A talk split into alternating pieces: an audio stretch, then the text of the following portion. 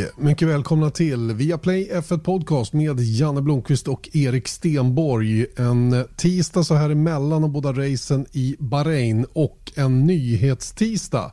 För en gångs skull, Erik Stenborg, så har vi fått lite nyheter innan podden startar. Mm. Och inte bara en och inte bara två, utan tre skulle man kunna kalla det. Så är det. Eh, en snabb genomgång då vad vi kommer att prata om i dagens podcast. Vi kommer självklart att gå igenom då de här viktiga nyheterna, för det är de ju. Till exempel att Lewis Hamilton har testat positivt för covid-19 och inte kommer till start kommande helg. Och vem ersätter? Vi kommer att prata om Romain Grosjeans krasch givetvis, som har varit den riktigt stora snackisen efter loppet senast. Vi har dessutom eh, fått reda på vem som ersätter Romain Grosjean som naturligtvis inte kommer att köra och gör en genomgång av vem det är, nämligen Pietro Fittipaldi. Och sen har Haas, mycket Haas just nu, eh, dessutom meddelat vem eh, som kommer att köra den ena av de två bilarna nästkommande säsong. Eh, mer om det också längre fram i veckans podd. Eh, men eh, ska vi eh, börja i ändan med covid-19 test för Lewis Hamilton. Det här kom ju faktiskt som en liten skräll, för mig i alla fall, att man efter en vecka i Bahrain inför race 2 på samma ställe med alla de tester som gjorts innan kan bekräftas som positiv. Mm. Det är ju lite det, alltså, skeendet förklaras ju så här att han tog tre tester under föregående vecka då i Bahrain. Eh, den sista var på söndag förmiddag innan racet då och alla de tre var negativa och sen så vaknar han då igår morse i Bahrain och eh, har milda symptom och då eh, testar han sig igen.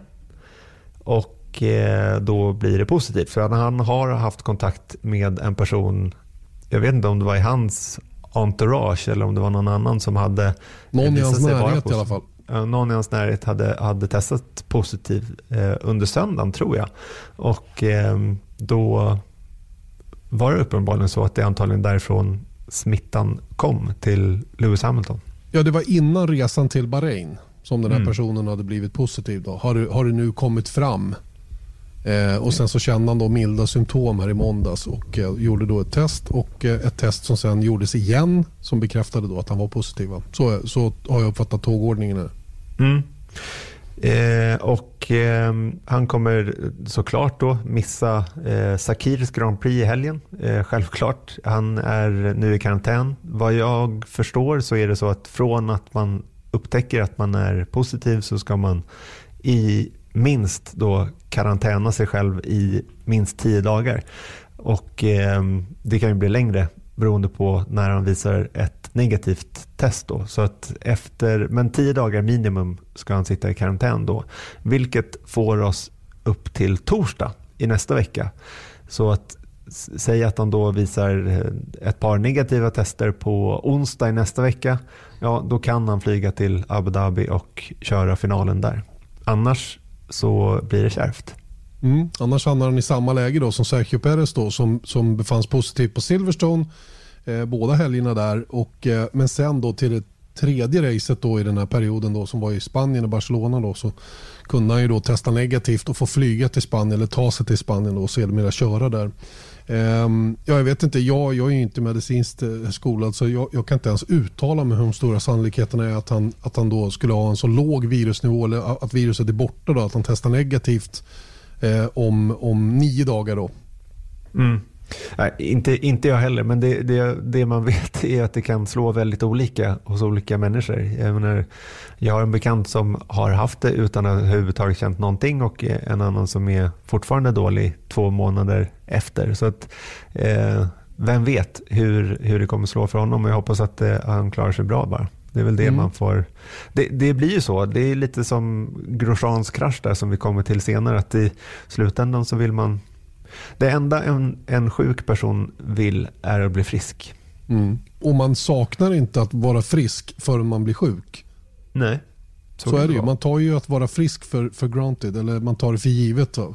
Och Det är mm. lite intressant. Det jag är lite oroad över, hur många människor... Jag menar, nu har det gått, nu har han varit inne i bubblan Lewis Hamilton i en vecka då, innan han befinns positiv. Vad har, vilka har han träffat under den tiden? Hur nära mm. har han träffat de personerna under den tiden? Han kan ju i teorin ha smittat en väldig massa människor nu som kanske mm. inte reagerar på tester just nu men som inför finalen kanske befinns positiva och stökar Precis. till det då till den helgen. När det har gått ytterligare mm. en vecka då, där man, är, man kanske har fått så mycket virus i kroppen att, att de här PCR-testerna reagerar på det. Mm. Och, och, i, vilken, i vilket stadie smittar man personer runt omkring? Det är ju massa frågor som hela världen ställer sig såklart det här. Så att jag, jag, bara, jag bara väcker frågan så att säga. Förstår du vad jag menar? Mm, ja, absolut, och det är ju det som är lite läbbigt med det här. Jag tänker liksom med smittspårningen också. Men sen så har han ju sagt att, eller ja, Mercedes har sagt att alla han har haft nära kontakt med är eh, listade så att säga. Så att man har eh, koll på dem i alla fall. Mm. Och det är väl lite det som är grejen. att Som en vanlig person, jag menar, vet, jag sitter hemma 99% av tiden men ibland så måste jag gå och handla mat. Eh, och då vet inte jag, jag vilka jag träffar. Men i en Formel 1-bubbla som det ändå är. Folk tar det här ytterst allvarligt i Formel 1 såklart. För att det är en förutsättning för att det ska fungera överhuvudtaget. Så då tror jag ändå att de har ganska god koll. Bättre koll än vad man kanske kan kosta på sig att ha i, i verkliga livet. Mm. Och Det är ju sagt att eh, Mercedes dessutom har varit extra noggranna och eh, gjort sina bubblor med ännu mindre. Då, bubblorna inne i bubblan så att säga. Då. Eh, bara max sex personer då för att det inte ska behöva ersätta så himla många då om någon i bubblan då blir smittad. Eh, det kan ju vara undantag runt omkring Lewis Hamilton givetvis då, som träffar alla sina mekaniker men självklart inte, eller jag försöker att inte vara så nära då att han, att han riskerar någon annan. The big question nu då är ju naturligtvis vem kör istället? Eh, jag har mm. fått miljarder frågor på Twitter naturligtvis om kan Russell köra? Är det Hulkenberg som kommer att köra? Eller vem tar de in nu? Och tar de in Stoffel van Dorn? Och det finns ju de som har eh, större sannolikhet till att få hoppa in än andra. Är det inte så? Jo, man kan väl säga så här att för det första så är det här en podd. Det är kul att vi hade möjlighet att ha med den här nyheten överhuvudtaget. Men nästa del i den här nyheten är ju som du säger vem som ska köra och det, det kan ju komma ut när som helst. Mercedes själva har sagt nu på morgonen, eh, tisdag morgon alltså, sagt att det, it will be announced in due course. Det kan vara i eftermiddag, det kan vara i morgon. Eh, så att, jag tror att det finns risk att många av er som lyssnar på det här, kanske, då kanske nyheten redan är ute. Men vi kan väl ta tre personer som vi ser som Ja, egentligen är det en person som är ytterst sannolik. Och sen så två stycken som skulle kunna vara outsiders. Och då kan vi bara orera lite så här hur det skulle kanske kunna till och med vara, på pappret i alla fall, en bättre lösning än det som det sannolikt kommer bli. Mm. Eh, och De här tre kandidaterna då och den som är huvudkandidat och jag blir oerhört förvånad om han inte får jobbet. Det är ju självklart Stoffel van Dorn. Och eh, Stoffel van Dorn är ju teamets reservförare. Han är nominerad som reservförare och eh, befinner sig just nu i Valencia då för att avsluta den Formula E-test. Han är dessutom kontrakterad av Mercedes i Formel E. Han har kört Formel 1 tidigare, han är bekväm med systemen efter simulatorkörning. Han har inte kört 2020-bilen men väl 2018-bilen. Och eh, en fullgod eh, tycker jag, ersättare. Då. Inte lika bra som Lewis Hamilton givetvis var men han skulle göra ett tillräckligt bra jobb i den där bilen för att få det där jobbet. Och, och, och som sagt, om man nominerar honom och har honom och han är ändå på väg till Bahrain. Varför inte han skulle vara i Bahrain i helgen ändå, i alla fall. Mm. Mm. Av det skälet, att han ska finnas där tillgänglig. Mm. Ja, så ni hör ju själva att Stoffel van Dorn är väl det allra sannolikaste valet och dessutom så vet han har Formel 1, hyfsat ny eh, Formel 1-erfarenhet. Han körde ju 2017 eh, eller faktiskt hans debut i Formel 1 var ju faktiskt i Bahrain 2016 när eh, Fernando Alonso kraschade svårt där i Australien och då fick han hoppa in eh, hastigt och lustigt i det en, enda racet då, då tog han faktiskt poäng i sin debut. Och sen så debuterade han på riktigt då, året därpå, 2017. Hade ett okej okay år, och, eh, men ett rätt tufft år 2018 då, tillsammans med Fernando Alonso, vilket gjorde att han fick lämna McLaren. Då. Men då hoppade han ju på Mercedes-tåget och eh, har kört i Formel E och varit deras reservförare sedan dess. Så att, jag menar, och killen kan köra. Han var ju en sån där uh, som vann uh, Formel 2-serien på första första försöket och dominant dessutom. Eller var det andra? Året andra försöket var det, men han var i toppen redan första året. Va? Så att han, han, men han är en superskicklig förare och blev ju totalt pulveriserad tycker jag utav eh, kombination av McLaren och, och, ehm, och Fernando Alonso det där året då när han eh, inte vann ett enda kval till exempel över, över eh, Fernando Alonso hade det jätte, jättejobbigt. Men återigen, ja, det där är bakåt. bakåt. Jag, nu tittar han framåt och, och, får han den här chansen så kommer han att göra ett kanonbra jobb. Jag är helt övertygad om det. Eh, de andra två kandidaterna då som, som, eh, som naturligtvis kommer upp det är ju supersub Nico Hülkenberg då, eller Nico Hülkenback som mm. många vill skoja om det och säga. Eh, visst, Hylkenberg skulle vara ett jätte, jättebra alternativ också. Han är up to speed, han har kört ett par race i år eh, och, och liksom gjort det där. Men, men ehm, eh, ja, ja, ja nej, men visst, han skulle göra ett bra jobb. Ingen alltså, jag tänker mer, bara för skojs skull så ska vi liksom prata om de här två. Det, som du säger, Nico Hülkenberg är en av dem, George Russell är en annan. Och jag menar på pappret, om man bara isolerar det sett till vad Mercedes skulle vilja i en drömvärld. Sen så det finns en massa komplikationer i det här eh, såklart. Men låt oss bara ha lite roligt i den här diskussionen. Det är ju att Nico Hülkenberg körde full time upp till förra året, till och med förra året. Och sen så har han kört ett antal race i år i en Racing Point med Mercedes-motor. Jag antar att de har en del system. Dessutom så är det många som skojar om att det är faktiskt en Mercedes han, han har kört i år eftersom det är en Racing Point är en kopia på fjolårets Mercedes. Då. Men jag gissar också att det finns en del system som är, är liknande i en Mercedes också. Eh, och just att han har liksom, borde ha farten i kroppen mer än vad van Dorn har.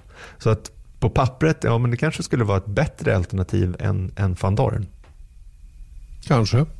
Mm, kanske. Det är det som vi pratar om här.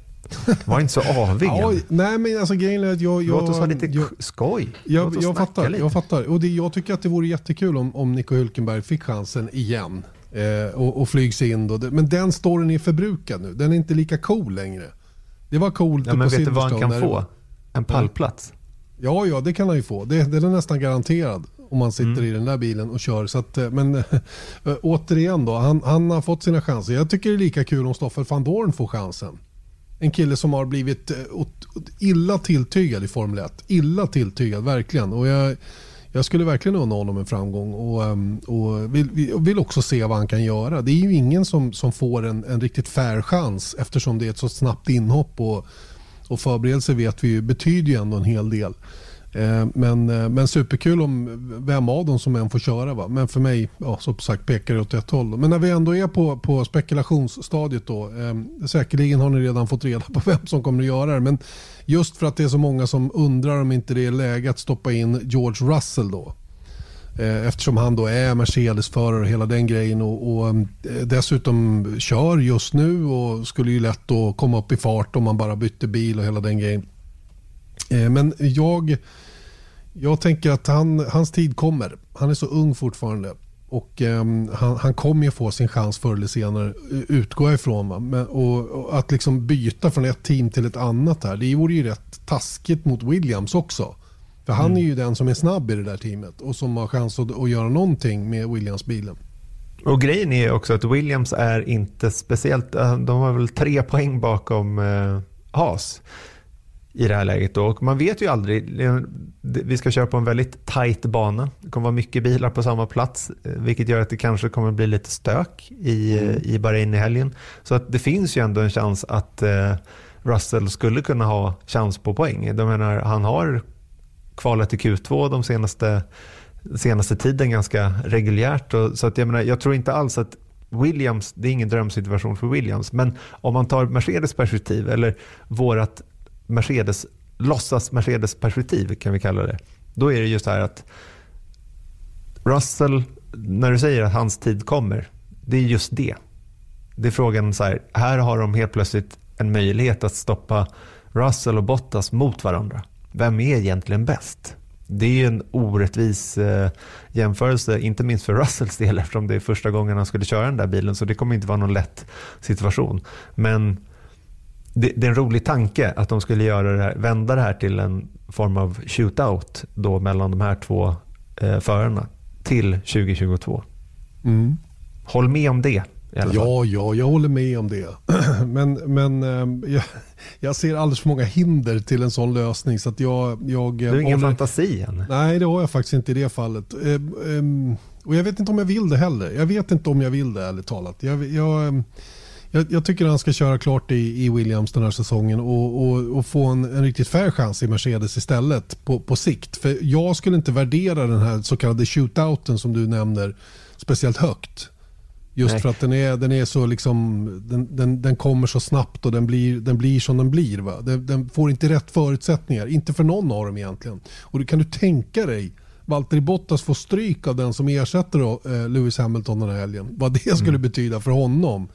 Eh, inte, inte i praktiken men, men mentalt. Och mm. i, i det allmänna anseendet och sådana grejer. Mm. Vi ska inte gå in så mycket på tummar den här eh, veckan. Men vi kan väl ge Bottas en tumme ner för, för eh, racet i söndags. Och det är just den där grejen att tänk Oavsett, alltså det, det, kan ju ske med van Dorn också. Det är väl inte jättesannolikt. Men skulle van Dorn sätta sig i den där bilen i helgen och slå Bottas. Mm.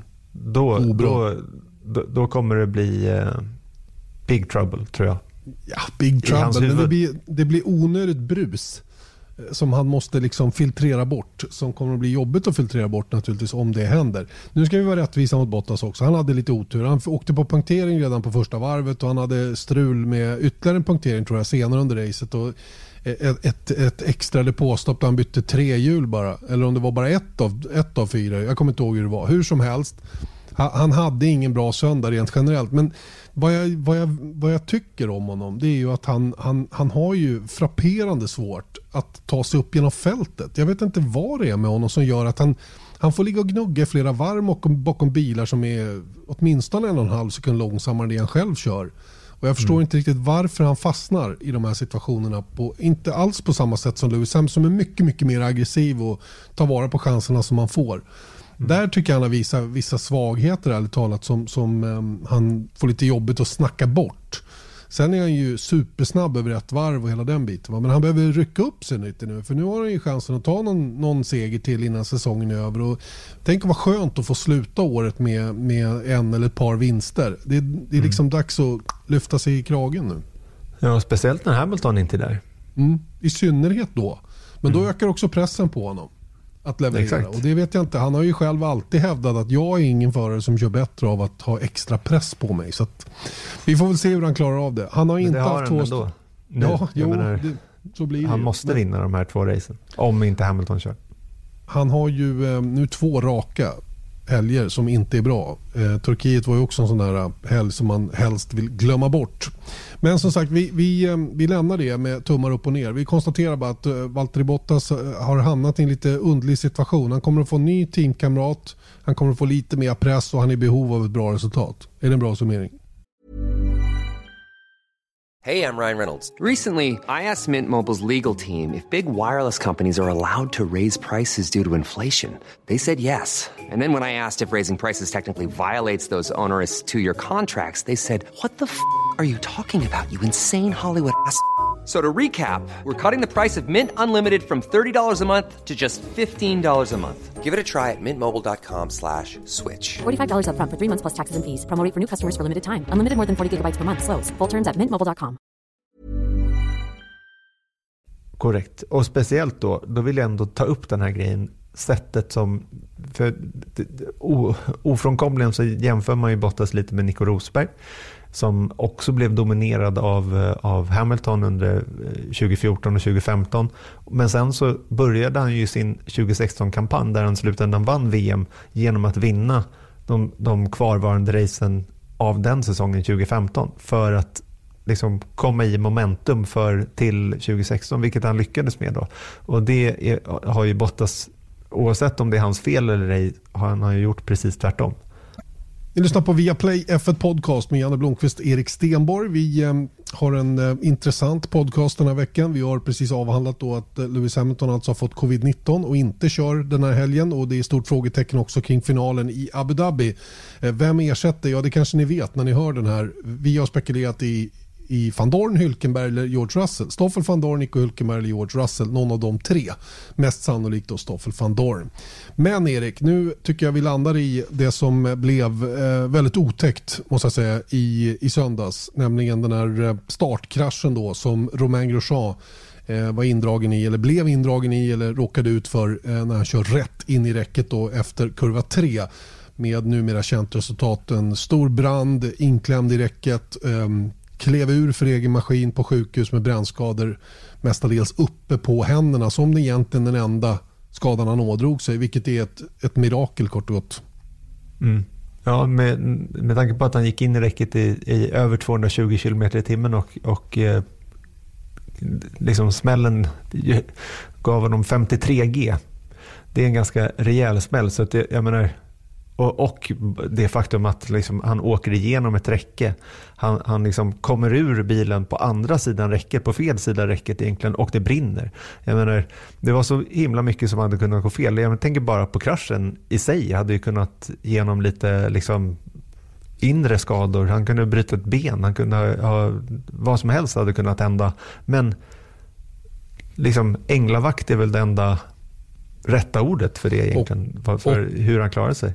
Och um, man, det, det, är väl också en sak, för vissa har ju påpekat att det här var inget mirakel, det här var god ingenjörskonst och det var ett gott säkerhetsarbete som räddade eh, Romain Grosjean och det får man ju hålla med om. Eh, mirakel blir mer ett ord man använder för det som inträffade va? mer än vad det egentligen betyder. Det är klart som sjutton att, eh, att allt det här säkerhetsarbetet som FIA har hållit på med, med att stärka upp sittbrunnen, säkerhetscellen och eh, ett införandet av Halo, eh, hur man bygger banor, hur räckena ser ut och hela den biten. Allt det här sammantaget gör ju att det faktiskt blev en lycklig utgång utav mm. det som inträffade. Så är det ju, absolut. Men ändå också, jag kan inte släppa att det var någon form av mirakel ändå. För att så spektakulär som den kraschen var, var liksom, jag har aldrig sett något liknande, ärligt talat. Nej, inte jag heller. Och just att, just att en bil tar eld på det här viset, det trodde man ju var totalt utplånat i Formel 1. Mm. Det kommer aldrig mer att hända. Eh, och Det var därför min initiala reaktion i sändningen var att vad stod där? Vad, hade, vad var det på andra sidan staketet där som, som hade så mycket bränsle så att det tog eld på det där viset?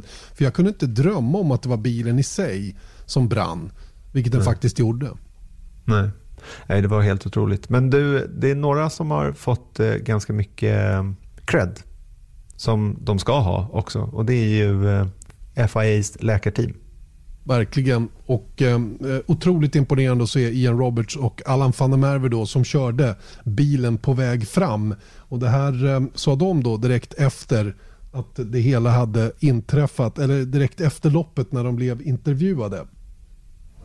Uh, the, fir the first thing is what's actually happening at the scene because it's a little bit disconnected. You see the, the rear part of the car and flames to the to the right, and um, so it was, yeah, it was a quick assessment as to what actually was was, was going on, and um, then take it from there. Was it just a, an element of just spring into action as soon as you get there, and you, you just you know what you need to do?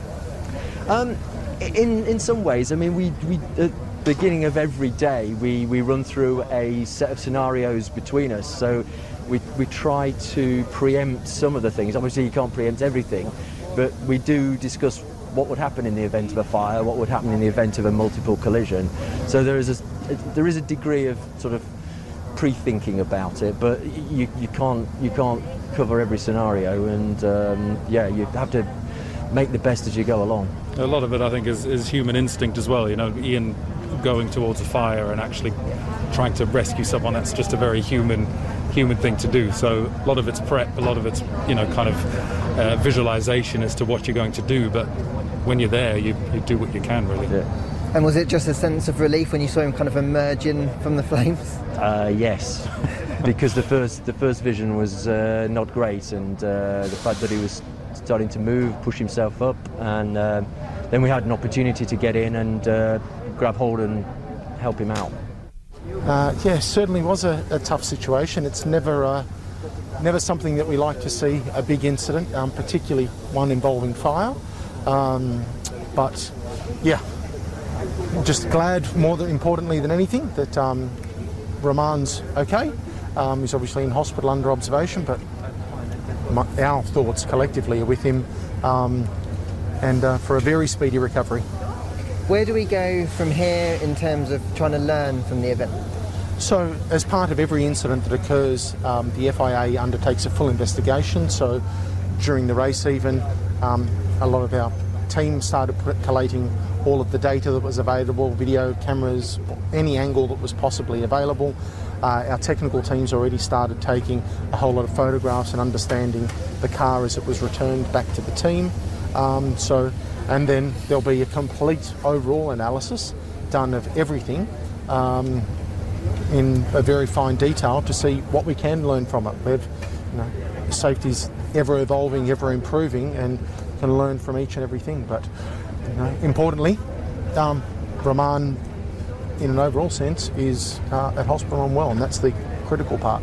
Were you surprised at what you saw when you got down there? Specifically? It was, yeah, I won't deny it. It was, it was a huge incident. The energies and so forth involved, um, you know, were very easily seen at the time, but to get down there and see it firsthand, um, yeah, it was a, it was a big incident without doubt. Michael Masi där avslutningsvis då som eh, tycker jag sammanfattar det här väl. Eh, hela, hela förloppet egentligen och vad som nu komma skall. För att eh, det, det, är ju några saker som kanske inte fungerade till 100% i alla fall i den här kraschen som man behöver lära sig ifrån det hela som inträffade. Mm, det är ju så att det liksom, på något sätt så är det ju ofta olyckor som driver säkerhetsarbetet framåt. Som han också påpekade att eh, säkerhetsarbetet pågår alltid i, i Formel 1 och i motorsport över, överlag, då, men kanske i synnerhet Formel 1. Och, eh, jag menar, om man tar Halon som exempel så den dök ju inte bara upp helt oprovocerat så att säga i Formel 1 utan det, det bygger ju på att eh, FIA och motorsporten i stort hade ju då sett att i formelbilar där, där eh, förarnas huvuden sitter oskyddade, förutom hjälmen, då, så, så är det en, en, eh, en svag punkt helt enkelt i, i säkerheten och det är därifrån Halon kom. När vi snackar om Henry Surtees som omkom i 2009 i Formel 2, Justin Wilson i Indycar 2015, eh, Jules Bianchi eh, eh, i hans krasch 2014 och, och, även då Felipe Massa när han fick sin fjäder i, i huvudet på Hungaroring 2009. Det är alla de där sammantaget då som ledde till att, att eh, Halon eh, introducerades i Formel 1 2018. Och jag tycker att om man nu behövde det så var ju den här kraschen det kanske slutgiltiga beviset för att Halon var en positiv utveckling i Formel 1 oavsett hur man tycker att den såg ut när den kom.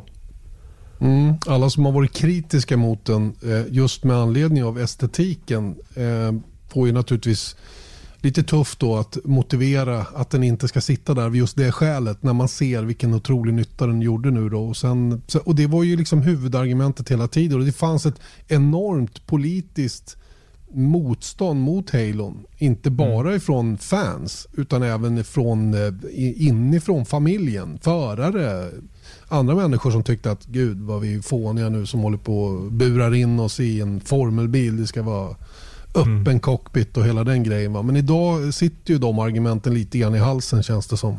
Ja, och det lite lustiga är ju att Grosjean han var väl inte så himla eh, liksom, utåt i sin kritik. Då, men han var ju en av de som inte var speciellt för den där lösningen. Och, eh, men en som verkligen uttalade sig starkt var ju Grosjeans teamkompis Kevin Magnussen. Och jag tror att båda de eh, har ändrat sig i det här läget, helt klart. Mm, mm. Eh, vi har ju det här med räcket Erik som, som är intressant då och eh, vi har ju sett bilderna, eller ni alla har säkert sett bilderna, flera av dem i alla fall, som är runt omkring kraschplatsen då där bilen på något sätt har kilat sig in emellan. De, de, barriären är ju delad i tre, eller tre, va? Mm. tre längsgående eh, balkar då. Och in emellan två av de här då har ju bilen då på något sätt kilat sig in då och sen vikt höger och i samband med det då så slets bakänden av bilen av och monokocken då fortsätter igenom. Alltså, förstår ni kraften som det har utsatts för? Ja. Det här räcket när bilen går in och hamnar då på baksidan. Mm. Det fångas ju upp men, hamn, men det är så illa så att det går igenom. Och Det där är ju en av de sakerna som FIA måste titta på. Eh, huruvida det är ett sånt här räcke som man ska ha eller om det går att förbättra eller om det ska vara någonting annat. exakt. Det, det är ju det som är grejen, det, det vi påbörjade med att liksom olyckor utvecklar säkerhet eh, i Formel 1. Och jag tror att, jag menar, Michael Masi har sagt att ja, men, räcket med tanke på kraften, de här 53 gen som, som kom in. Det var en fulltankad bil i över 220 km i timmen som, som drog rakt in i ett räcke. Ja, då presterade räcket, så som det ser ut idag, eh, så bra man hade kunnat hoppas. Men med det sagt då, så, så, var det inte perfekt. Och just det faktum att det här nu bevisligen kan hända, även om det var en freak accident, så tror jag att räckena är någonting som de kommer titta på. Om det nu är konstruktionen av själva ståldelen av räcke eller om man sätter någon form av eh, däckstrave även på insidan av banan. För det är också en sån här grej att det, det borde ju inte det, det, är därför räcket var helt oskyddat så att säga. Sett till någonting som täcker för. För att det var en chans på miljonen att man ska hamna där inne. Men som synes så, så kan det ske.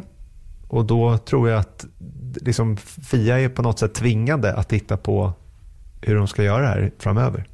Och det, det enkla svaret är ju att okej, okay, nu har det hänt här. Vi vidtar åtgärder. Vi ser till att det finns en däcktrave framför här nästa, nästa gång.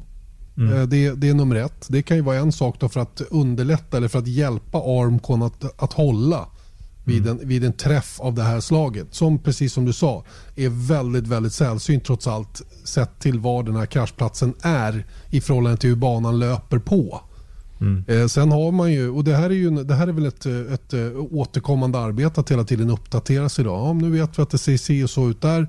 Eh, och det handlar väl om att hela tiden göra riskbedömningar. Var är risken störst att en bil kan träffa? Och där finns det ju oerhört mycket material som FIA har när det mm. gäller vad man kräver av en bana för att vara grade A som är då en Formel 1-bana där farterna är i den, ja, de högsta som finns inom racing rent generellt. Och, um, Eh, det är väl bara att eh, samla på sig den här datan som man får från den här kraschen också. Då. Bygga på banken så att man vet vad man behöver göra för förbättringar då på även andra ställen på, på den här banan och på alla andra banor.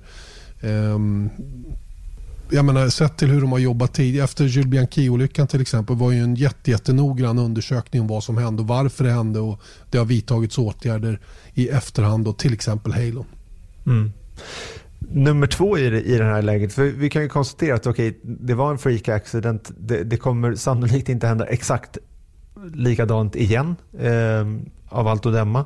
Men trots det så, så, fastnade bilen i räcket på ett sätt som gjorde att det var såklart svårare för Grosjean att ta sig ur. Men det som försvårade det ytterligare var ju såklart att elden kom.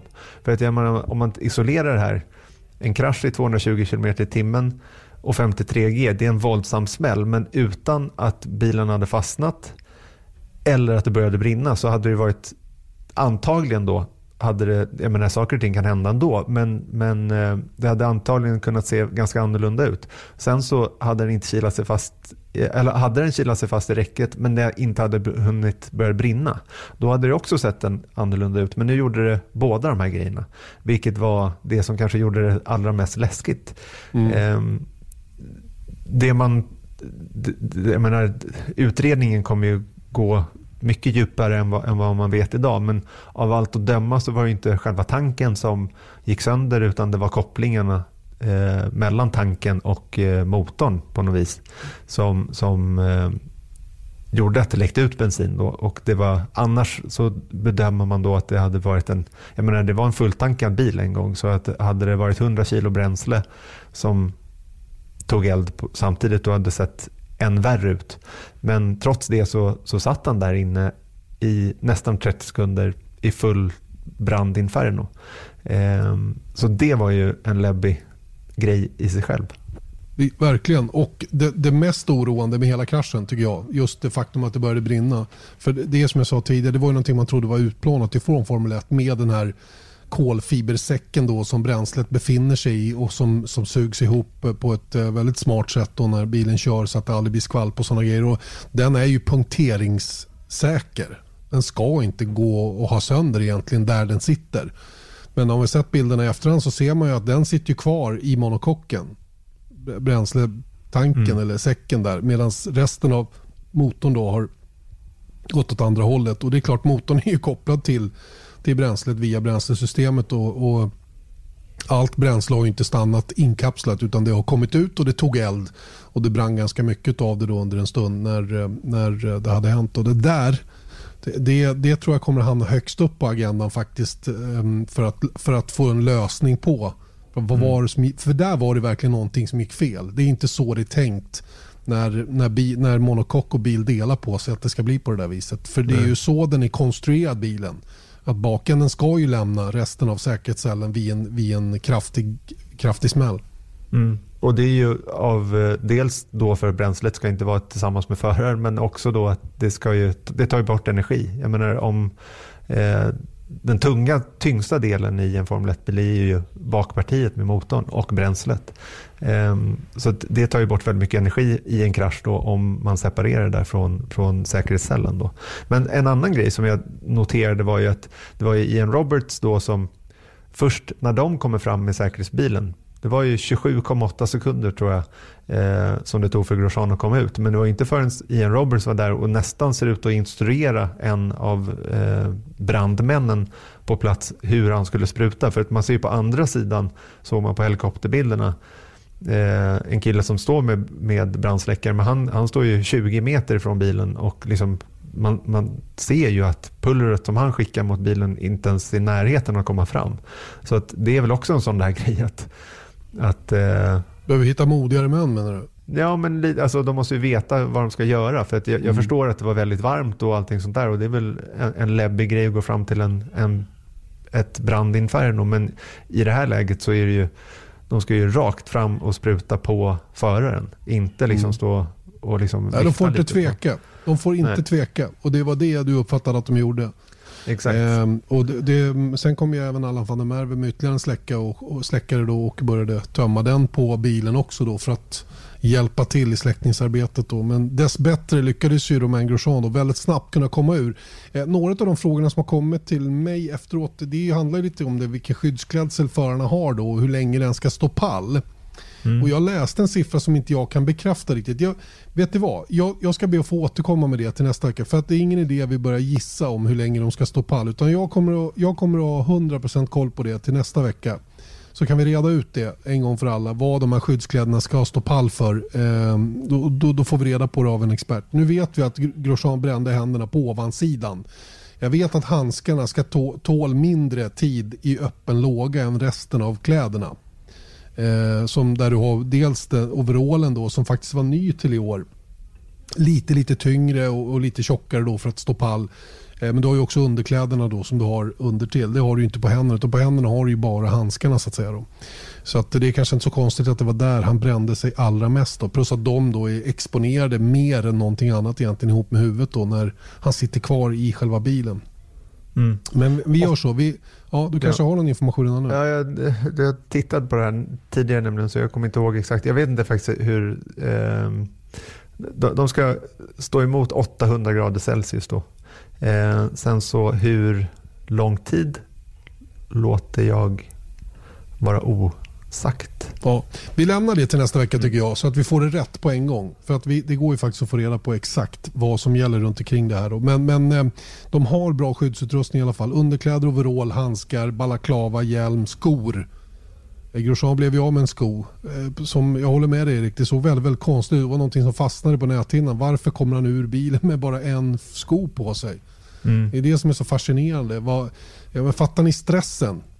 Och mm. vad han sliter för att få loss den här foten som uppenbarligen sitter fast på något sätt när han ska ur bilen. Så illa så att dojan blir kvar och han hoppar ur bara strumporna. Ja.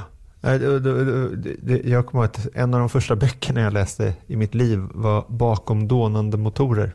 Det är en, en historia om Bernt Rosmeier, han som körde för Auto-Union på 30-talet. Och han kraschar ju eh, och omkommer i eh, ja, i slutet av hans karriär uppenbarligen. Eh, men då i den här kraschen då, då hade de inga säkerhetsbälten eller någonting. Men då hittar de hans skor ligger fortfarande kvar i bilen. Och det, det var en sån där grej som så fastnade i tioåriga Eriks huvud och har liksom varit med mig sedan dess. Och så på något sätt så tror jag att jag gjorde någon slags koppling där att han, han kom ut utan en sko. För jag tycker liksom de sitter, det, det, var någon som skrev det på Twitter också, det är inte foppatofflor de kör i heller. Um, så att jag tänker liksom paniken att komma ut har ju, man drar ju den här liknelsen att man kan lyfta en bil i adrenalin. Ehm, Jaha, kan man det? Ja, det är bra. Nej, men liksom att det sägs ju att en mamma mm. lyfter en bil för att rädda sitt barn. Liksom. Men det är omänskligt. Liksom. Mm. Att det är på något sätt att eh, överhuvudtaget att han kom ut ur det där lilla, lilla hålet. Det, det är ju sjukt alltså. Ja, det är det. Men det blev ju väldigt, väldigt spektakulära bilder. Det kan vi konstatera. Det var väldigt spektakulära bilder som kablades ut gång efter annan, repris efter repris under det här uppehållet då som vi hade. Och det här är ju fullt naturligt för alla vi som sitter och kollar är ju oerhört nyfikna över vad var det som hände. Man vill se varenda vinkel, man vill se det många gånger, man vill göra sin egen analys.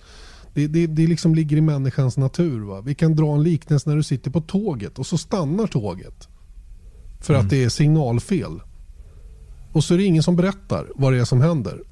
Du blir vansinnig för att du inte vet. Men så fort att man får veta så lugnar man ner sig. Och Det är precis det fenomenet som inträder en sån här gång också. Dock var det mm, eh, ett par av förarna, eller framförallt en förare som inte var speciellt imponerad över hur Formel 1 hanterade just detta. Really the, the only thing I want to say here is I'm so disappointed and disgusted with uh, with F1 today. Um, showing all the replays and everything they did after that incident was. I want to use extremely bad words right now, but I'm, I'm not going to. So at least you guys can broadcast it. Um, but I'm disgusted. Um, has a family. We all have families, and it's to, to show that, and, and we're going back out there in about an hour to race, and then to show he's on board. It's like I'm really trying not to swear, but it's like fuck you guys. It's it's so messed up. Can I just, um, from their point of view, they obviously don't show anything until they know that he's okay and they've had word that he's okay. Um, and they, I assume, want well, to show him getting out and getting into the medical car. Show, show him get out of the car. Yeah. yeah. show him. Show him. Obviously, we all want to know that he's that he's alive. Um, but to show hundred replays, uh, that was disgusting. So, yeah. Um, yeah, I'm, I'm like gonna cry of rage right now because it's so inconsiderate and we've all got families watching the race and to show replay after replay after replay knowing that we're going to go back out there it's it's not entertainment. You know you're playing with people's lives so yeah that's all. I'm glad he's okay.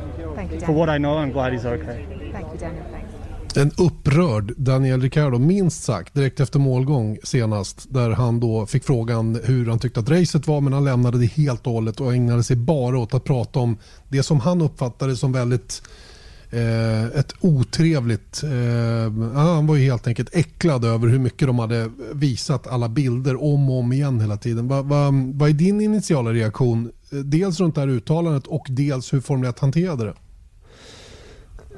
Alltså, om jag bara tar Ricardos perspektiv som förare, som han säger också att han ska ut och köra om en timme. Det är klart att det var ju någonting som vi tog upp i F1-studion också med Marcus Eriksson. Hur, hur känns det här att se när man sen ska ut och tävla igen? Och eh, jag tycker man märkte ganska väl på Marcus reaktion själv i studion att, att han eh, blev illa berörd. Och jag tror att alla vi blev illa berörda av av det som hände. Trots att man såg att, att han var ja, så okej okay man kan eh, väntas vara efter en sån där krasch. Men jag tycker samtidigt att det är lite kategoriskt från hans sida. För att det är inte så att det var att man gjorde det omedelbart utan det var en lång väntan innan man, eh, de visar ju ingenting. Det är ju liksom, så är det alltid inom Formel 1 och även andra motorsporter också. Att så fort Eh, en, en krasch händer. Vi såg inga repriser förrän man faktiskt såg att han satt i bilen och var hyfsat okej. Okay. Eh, sen började repriserna. Sen var det en timme och 20 minuters uppehåll i stort sett innan starten gick. Och det var ju det här som var samtalsämnet i rent journalistiskt. Så att jag tycker, jag håller inte med honom rent journalistiskt. Sen kan jag förstå att han blev illa berörd. Jag kan förstå att förarnas familjer blev illa berörda. Men på något sätt så är det ju då, då ska inte han titta. någonstans. Det måste han ta ansvar för själv. Han måste ta ansvar för det själv helt enkelt. Och det fanns ju ett par till förare som, som fick samma fråga då runt omkring det här. Eh, vi kan väl lyssna till vad deras kommentar runt alltihopa var också. Do you have any thoughts on that? Do you shut yourself off? Do you do you wish they hadn't shown them all? Yeah, I mean, I, I can understand it's not nice. I think um, as soon as you see the guy jumping out, and it seems like you know, he, I mean, you could see there was nothing, let's say, uh, cr- crazy going on. Uh, if you compare it compared to let's say what happened in Spa, I think there very quickly everything was shut off and nothing was shown again, right? So it's a bit of a different, but still, yeah. I mean, for the family, it's never nice when something like this happens. Um, I think in uh, when something like that happens, I think it's more important that the FIA, you know, together with F1 and, and the team, of course, keep the family updated as, as quickly and, and as soon as possible. So I, I mean, I saw obviously the fire on track. I asked and they didn't have an answer. Then I came back in and he said he's out and he's okay. That was the main message. But then, yeah, you know, people like to see this stuff. I guess otherwise uh, the director or whoever cuts wouldn't show it again and again and again. People like crashes and um, maybe sometimes you know it's they forget that we are behind the wheel. So um, yeah, I guess uh, you could say it's part of the part of the show. So that's why I you know disappeared and tried not to look at the images too much. Ja, det var Max Verstappen och Sebastian Vettels tankar runt omkring det hela. Och eh, avslutningsvis Sebastian Vettel säger “People like to see this”. Det tycker jag är ett ganska, det är ett, ehm, det är ett ganska grovt uttalande för det är inte det det handlar om som jag ser det. Jag tror inte ingen sitter hemma och är blodtörstig över själva kraschen. Däremot så är man otroligt nyfiken eh, runt omkring det hela när man vet att det har varit en hyfsat lycklig utgång på det. Mm. Och, och, eh, jag måste hålla med dig om att eh, ur ett journalistiskt perspektiv så är det ju direkt felaktigt att inte visa vad man kan visa så länge man vet att utgången har varit god. Eh, mm. För att det, det är ju det enda vi söker, svar. Jag menar hur många bilder skickas inte till en och hur många bilder söker inte folk för att ta reda på ja, det var det här som hände, det var si och så, bilen kilades in där, det såg ut si så. Alla vi söker ju svar. Mm. Men som förare, som Daniel Ricciardo är och Sebastian Vettel och Max så förstår jag absolut deras känsla i det här fallet. Men den måste de lära sig den måste de skärma av själva. Det kan, mm. inte, det kan inte tv-produktionen för 3, 4, 500 miljoner människor ta ansvar för. För de 20 som sitter där nere. Sen, mm. sen um, tror jag att han efter lite eftertanke och när några dagar får gå kanske tänker på ett annat sätt. Va? Men det här var väldigt mycket affekt känns det som. Ja, och sen så säger ju Fettel att nej, men jag tittade inte på det. Jag gick någon annanstans för att jag vill inte se det där då.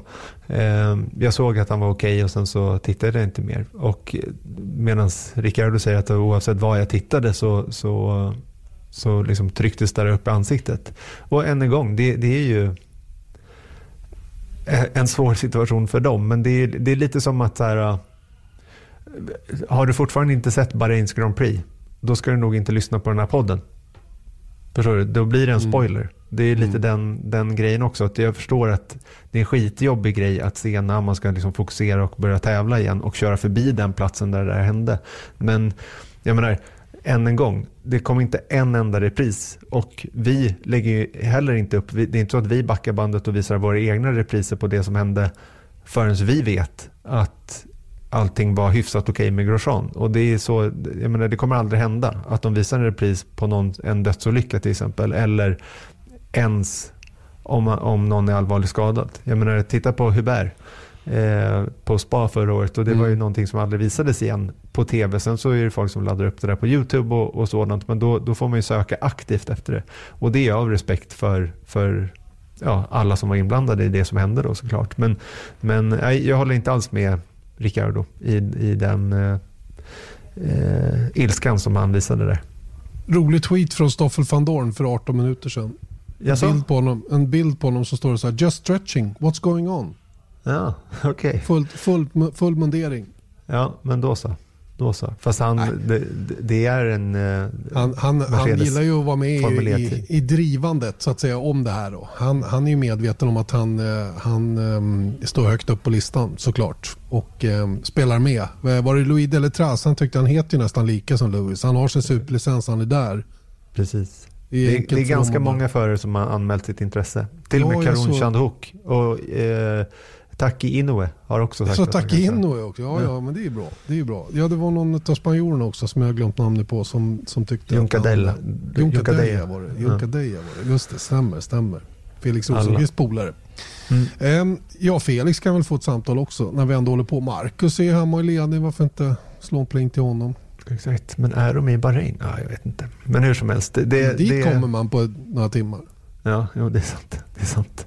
Men eh, ja, som sagt, för att avsluta det snacket runt, eh, det som jag tycker är lite intressant är att det, det liksom florerat ett citat då från Verstappen. Att han säger att så här, om, de för, om någon förare där inte hade satt sig i bilen efter, eh, igen efter att ha sett den där kraschen så hade jag gett dem sparken. Och det har ju fått väldigt mycket traction och det är ett så här typiskt Verstappen-uttalande tycker jag. Eh, och speciellt som det är en fullkomligt hypotetisk fråga för alla satte sig i bilen och körde iväg igen. Ehm, så att, men det som man säger i den intervju som vi eh, körde precis nu, så då är han ju helt annorlunda. Han säger att ja, men det var ju, jag förstår om folk blir illa berörda av det.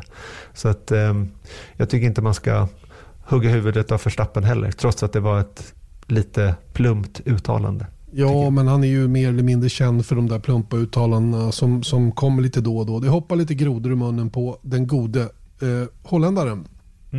Eh, vi lämnar det och eh, börjar istället att fokusera på eh, Haas. För det är väldigt mycket Haas, det som återstår av den här eh, podden nu då. Eftersom de dels var inblandade i kraschen här i söndags och eh, behöver en ersättare då till Romain Grosjean som givetvis inte kan köra på, eh, till helgen.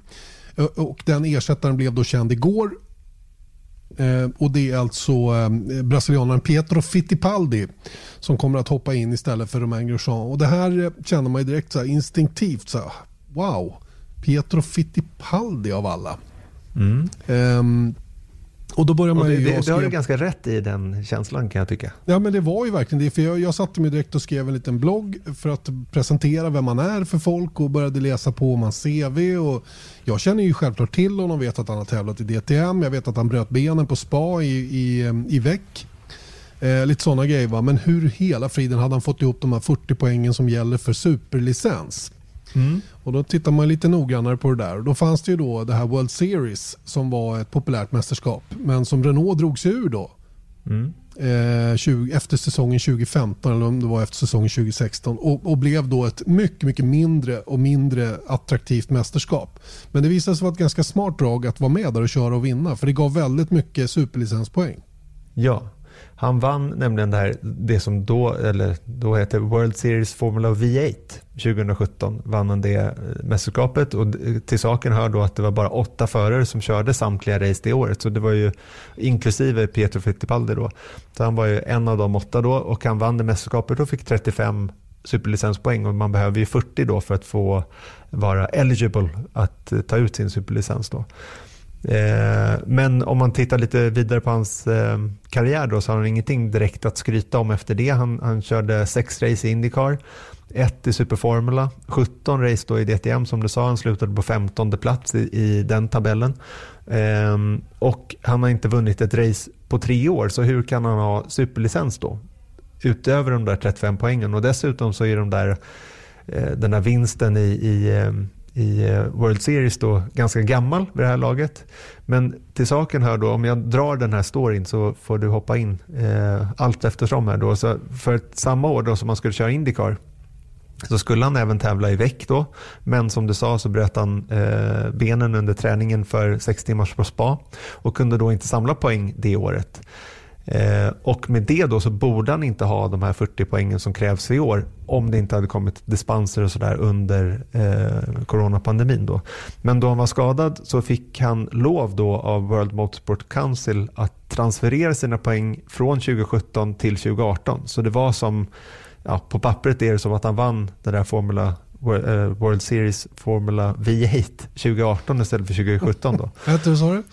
Ja, eh, World Series Formula V8. Kan du inte bara kalla det World Series? Ja, jag vet inte, men jag, jag tycker World Series indikerar att det är World Series by Renault. Så att jag Mm. vet inte. Ja, Ja, hur som helst. Ehm, men han var fortfarande kort då. Han hade bara 35 poäng eh, vidare. Eh, trots att han fick flytta sina poäng. Vilket gjorde då att han hoppade på det här Asian Formula 3 Series som gick då under off-season den här vintern, den föregående vintern då, mellan 2019 och 2020. Och han behövde sluta femma i det, det mästerskapet för att komma upp i 40 poäng. Och det började inte speciellt bra i det mästerskapet. Efter 9 av 15 race så låg han sexa. Vilket gav honom då totalt 39 poäng och återigen man behöver 40 för att kvalificera sig för superlicens då. Så han var nära. Han var nära men inte riktigt då. Men då kom pandemin och två förare som låg framför honom i tabellen i Asian Formula 3 hoppade av serien av oro då för att bli exponerade för viruset. Vilket då gav Fittipaldi öppet mål. Men, och det var två tävlingshelger kvar. Så att det var ju bara att liksom köra igenom det där, ta lite hyfsade resultat. Så skulle saken vara, vara biff då. Men han tog sig ändå inte förbi under näst sista rundan på Sepang. Så han låg fortfarande sexa då.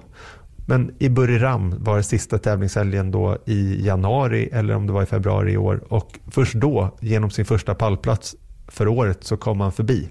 Han kom upp på fjärde plats i tabellen men blev då omåkt av en annan som låg bakom honom tidigare då i tabellen. Och han slutade på eh, femte plats i tabellen. Och det gav honom då sex superlicenspoäng vilket gav honom då totalen 41. Hängde ni med? Gisses Erik, ah, vilken ja. story. Och mm. den, den här slalombanan fram till den här superlicensen då, eh, tar honom då sedermera till, till eh, Formel 1-debut och kommande helg. Det, det, som jag tycker är lite märkligt med hela utnämningen är ju precis som ni själva hör. Han är ju ingen, han är ju ingen förare som har, som har eh, dominerat. Han har ett starkt efternamn såklart. Sonson till Emerson Fittipaldi och brorsa till Enzo Fittipaldi som kör i eh, Fia Formula 3 och inte varit speciellt stark där heller. Eh, att, och, och, när man dessutom har då eh, Louis Deletras då, som är uppdaterad Formel 2-förare som körde så sent som i söndags.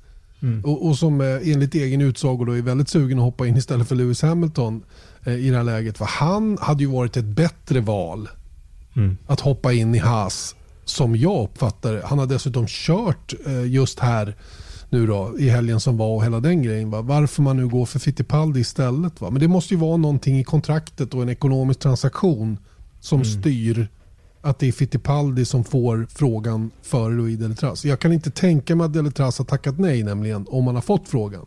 Vad nej, tror du? Jag, nej, jag tror inte det heller. Jag tror verkligen inte det. Han kanske hade på känn att Hamilton såg lite mos ut där när han såg honom till, på hotellfrukosten i, i måndags morse. Då. Ska jag, kanske bara, jag väntar på eh, Merca här. Men ja. jag tror inte att han var så förutseende. Så är det i alla fall. Det är alltså Pietro Fittipaldi då som får eh, hoppa in då och han är ju eh, en amerikansk född förare. För han är född i Miami nämligen. Och eh, vi får väl se då hur han kan lyckas. Som jag skrev i min blogg, det finns ingen som kan ställa några som helst krav på vad han gör den här helgen överhuvudtaget. Allt bättre än sista plats i kvalet och sista plats i racet är en stor framgång för honom. Det är mitt mm. sätt att se på det i alla fall. Mm, verkligen. Håller du med?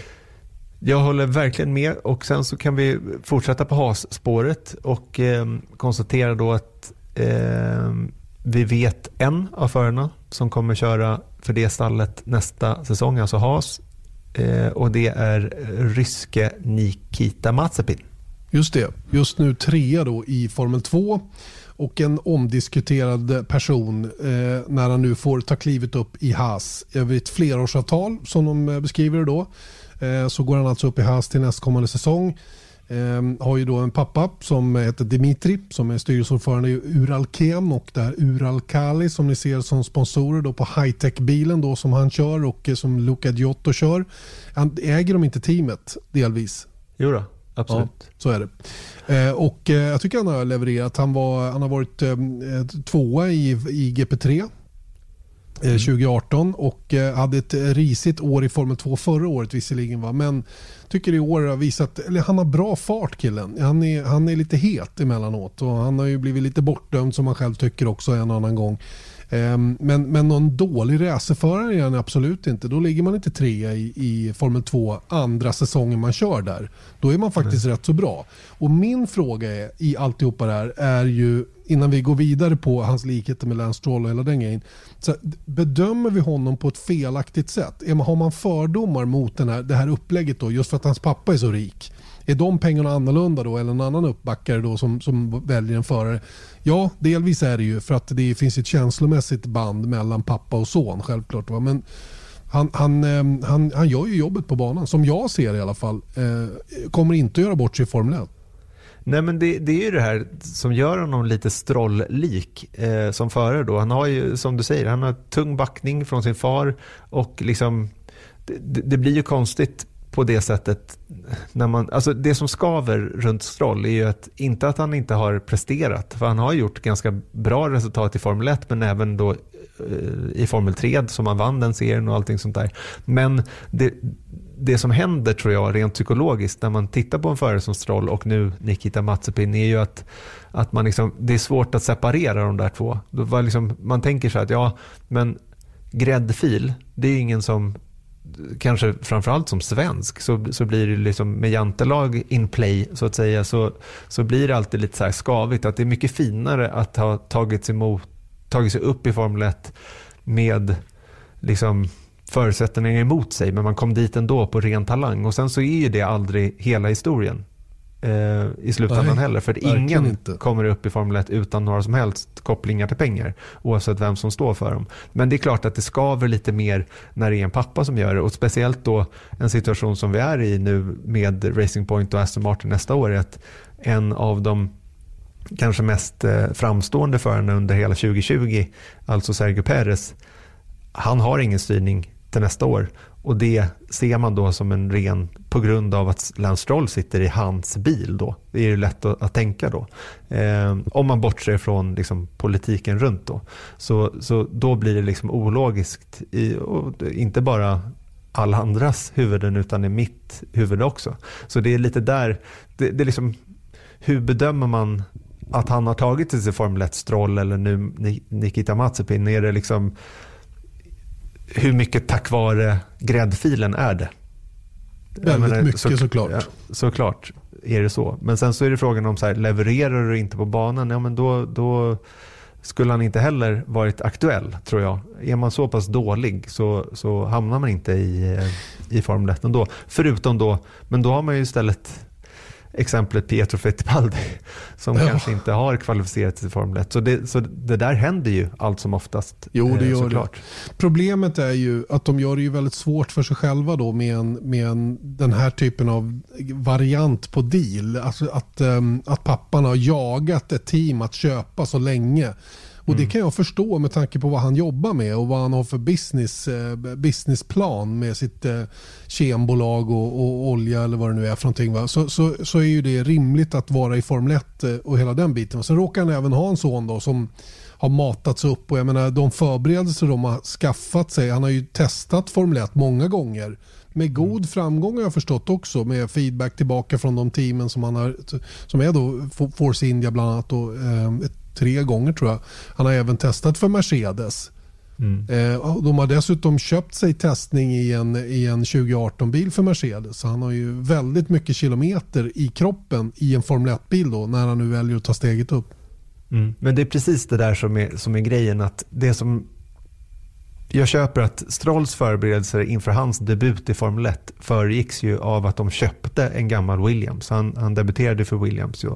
Då också så körde han hela säsongen och åkte runt med liksom sitt egna F1-team i stort sett, fast det var i Williams då, och liksom pumpa runt på banor för att liksom förbereda honom på, på rätt sätt. Det är ju inte en normal väg in i Formel 1, inte ens om du heter Charles Leclerc och är backen av Ferrari. Så har ju, de har inte heller möjlighet att, liksom, de sätter inte honom på Fiorano och kör en miljon varv med en två år gammal Ferrari. Så det, det är det här tror jag som skaver, att det blir liksom lite så här, äh, det är så enorma summor pengar som läggs på en son och så vidare. Och, och det, det, är helt klart det som, som skaver tror jag också. Men sen så är det ju de här grejerna att, att eh, Dimitri Matsepin, han, han är ju också en sån där, jag menar just att han är lite av en oligark. Det är inte, liksom, ses ju inte heller som liksom, någonting fint om man, om man tar det, liksom, den romantiska bilden av en Formel 1-förare. Men det är också just att han skulle köpa eh, Force India. Eh, fick inte det istället för Lawrence Stroll, då, en annan pappa då, som, som köper det där teamet och han går till rätten och driver fortfarande den här eh, processen i rätten för att han anser då att han, han blir förbisedd eh, i hans bud att köpa Force India istället för Lawrence Stroll. Då. Så det, jag menar, det, är ju, det, det, är på en helt liksom enorm nivå som det här handlar om och sen så råkar deras söner då köra Formel 1 och det blir liksom, ja, det, det skaver helt enkelt. Mm, visst är det på det viset. Och eh, ja, Det blir intressant. Han får ju lite jobbigare, naturligtvis, precis som Lance Stroll, då, att bevisa sig. Eh, Lance Stroll då, som, som eh, tystade några av sina belackare då med pole position i, i Turkiet. Då. Men sen har han ju fallit tillbaka i gamla dåliga synder igen här på slutet. Och, jag vet inte. Han, han har lite svårt att, att bryta igenom den där fördomsbarriären som finns runt omkring hans deltagande i Formel 1. Och precis samma läge kommer naturligtvis Nikita Mazepin att hamna i. Och det är viktigt för Mazepin att han är mentalt förberedd på den utmaningen att stå pall för det skitpratet. Det, det, det, vad ska kalla, de brukar kalla det för um, noise eh, som sker på sociala medier och alla de bitar. De, det kan ta väldigt, väldigt hårt på en person eh, om man inte klarar av att filtrera den här biten och fokusera på vad man själv ska göra. Jag hoppas verkligen han klarar det och jag tänker ge honom en chans. Jag tänker ge honom en chans personligen innan jag, innan jag kommer med några omdömen så att säga. Jag har sett alldeles för lite av Nikita Mazepin för ens utan det är bara resultatlistor. Visst, jag har sett en hel del Formel 2-lopp där han har kört och, och även sett honom i GP3. Men, men, eh, men, när det gäller Formel 1 så är det ändå ett annat steg och, och de här testerna han har gjort det är ju inte riktigt eh, så att man kan göra en utomstående bedömning av hans kapacitet de gångerna. Nej. Nej, och det är ju det där också, att liksom, hur fick han testen? Alltså att det är så mycket man inte vet heller. Att liksom, var det på talang eller var det med pengar han fick de här testerna också? och sånt där. Så att, ja, Som sagt, det skaver. Men mm. du, ska vi släppa det här nu? Ja, det är ju ändå till nästa du, år. En sak vi... bara ja. innan Erik. Jag läser lite, Andrew Benson är en kollega till oss på BBC. Han är ju väldigt, väldigt välinformerad alltid. Och han skriver lite grann om vem som kommer att ersätta då. Även han är ju inne då, eh, ersätta Lewis Hamilton i Mercedes. Så han är inne då på Stoffel van Dorn givetvis. Då. Eh, men, men, eh, att det faktiskt är väntat att Toto Wolff ändå kommer att titta lite grann på möjligheten att få loss George Russell. Eh, dock ska då kommas ihåg att eh, Mercedes försökte ju då eh, inför 2021 då frågade de Williams om de var beredda att släppa Russell ett, ett år tidigare då än kontraktet och det var de absolut inte villiga att göra den gången.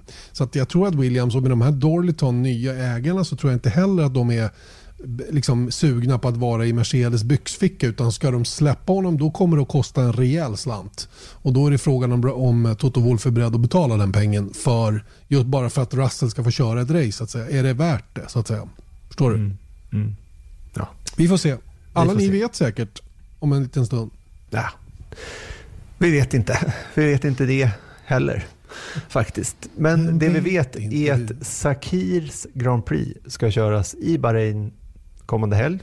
Fredag, lördag, söndag som vanligt då och det här är då den 48 unika eventet i F1-historien. Förstår du vad jag menar då? Ja. Förra året hette det Bahrains Grand Prix och nu heter det Sakirs Grand Prix. Så och det, det här är ju i alla avseenden ett unikt Grand Prix också. För det är en helknasig bana. Exakt, det är den här The Outer Oval ett varv som är precis över 3,5 km långt. Det är ungefär Mon Monaco-distans på det här varvet. helt enkelt. Och De väntar sig en varvtid runt sådär 55 sekunder kan vi väl runda av det till, eller hur? Ja, race, racetiden tror jag kommer landa på 55. Jag tror de kommer att kvala på betydligt bättre. Jag såg ett GT, en GT-bil köra varvet på mm. 1.22 eller något sånt där. 1.23 kanske. Det, det, det, bör, eh, då, då har ju Formel 1-bilar ofta kapaciteten att kanske kapa 25-30 sekunder. Så det, det borde ju stämma. Men distansen gör ju också att det blir 87 varv. Det blir nästan så här ovallopp i sett, ja. till, sett till antal varv också. Det kommer ju att handla om att vara kvar på ledarvarvet till exempel. För att mm. den, den gången du hamnar med blå, för här är det ju inte Indycar. Utan är du varvad så är du varvad och då är det blå flagg som gäller. Indycar funkar inte riktigt på det viset. Så att eh, det, det, kommer att vara många, många, många som får klia sig ordentligt i huvudet här när det gäller, eh, när det gäller strategier och sånt kommande. Eller inte minst kvalet som vi har pratat mycket om med, med behovet av utrymme för att göra sitt varv på en kort banslinga där, där alla, och vi vet ju hur det kan vara i Monaco till exempel, fast där löser de ju det ändå. Men här mm. kommer det gå så mycket fortare än i Monaco. Och, och, jag menar, går ett polvar på 52-53 sekunder säger vi så, så, ehm, och banan är 3,6. Du vet, 20 bilar behöver ju mer plats än så. Mm. Ja, det är säkert några som kommer falla dit och då, då kan man ju börja liksom oroa sig lite för en Fittipaldi eh, hamna i vägen, bli lite stressad eller eh, även en van Dorn då om man sitter i en Mercedes som, som liksom, tänk om han inte kommer vidare från Q1 på grund av att han, han liksom eh, tappar bollen. Eller en Bottas för all del också. Ja.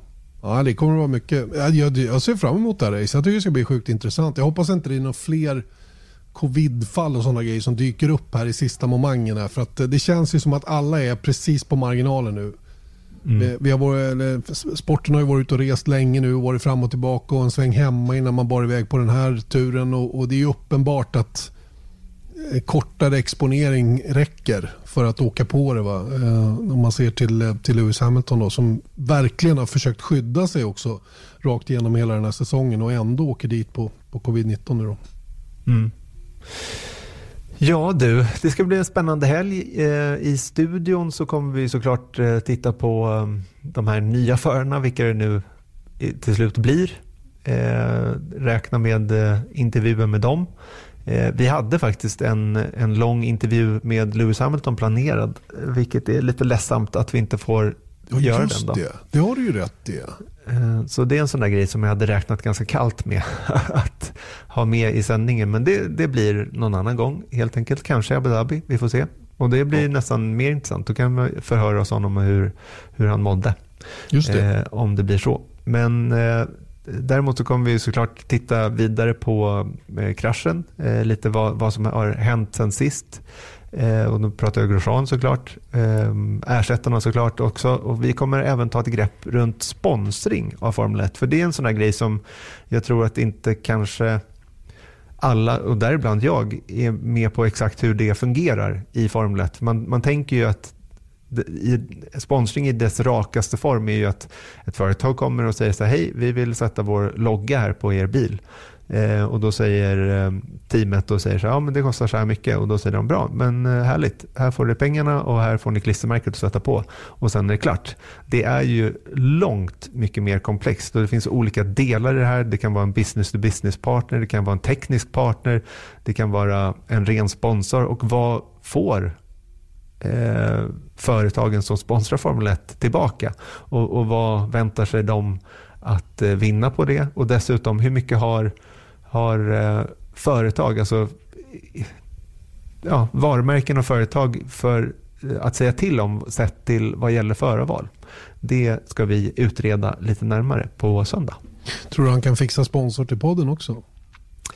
Eh, nu är inte, det, det är, eh, vi har nämligen en expert i, som ska vara med honom har jag inte nämnt, men han heter Fredrik Ulfsäter och han är alltså rådgivare till Alfa Romeo. Eh, sett till sponsringsdealar där. Så att vi, det är eh, en högst kunnig person som ska uttala sig om det här. Men så, eh, vi, så vi får väl fråga om man kan skaffa. Vi, vi kan väl jag, fråga. Får jag vara med i studion i helgen också? Eller? Vi får se, vi får se.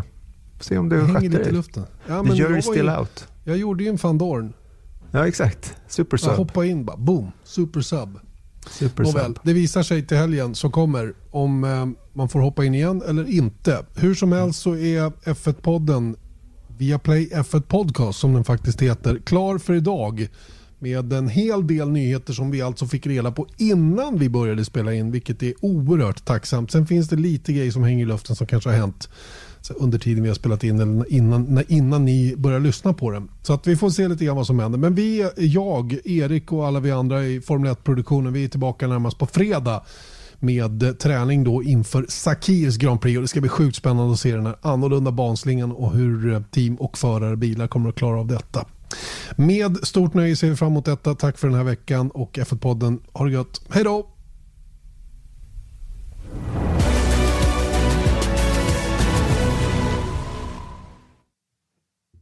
Caboche.